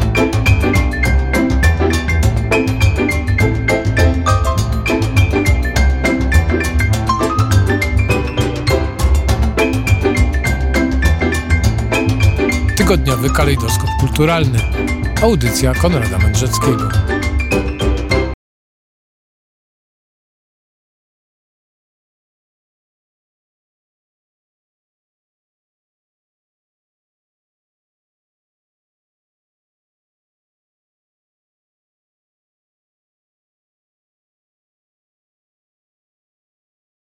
掌柜。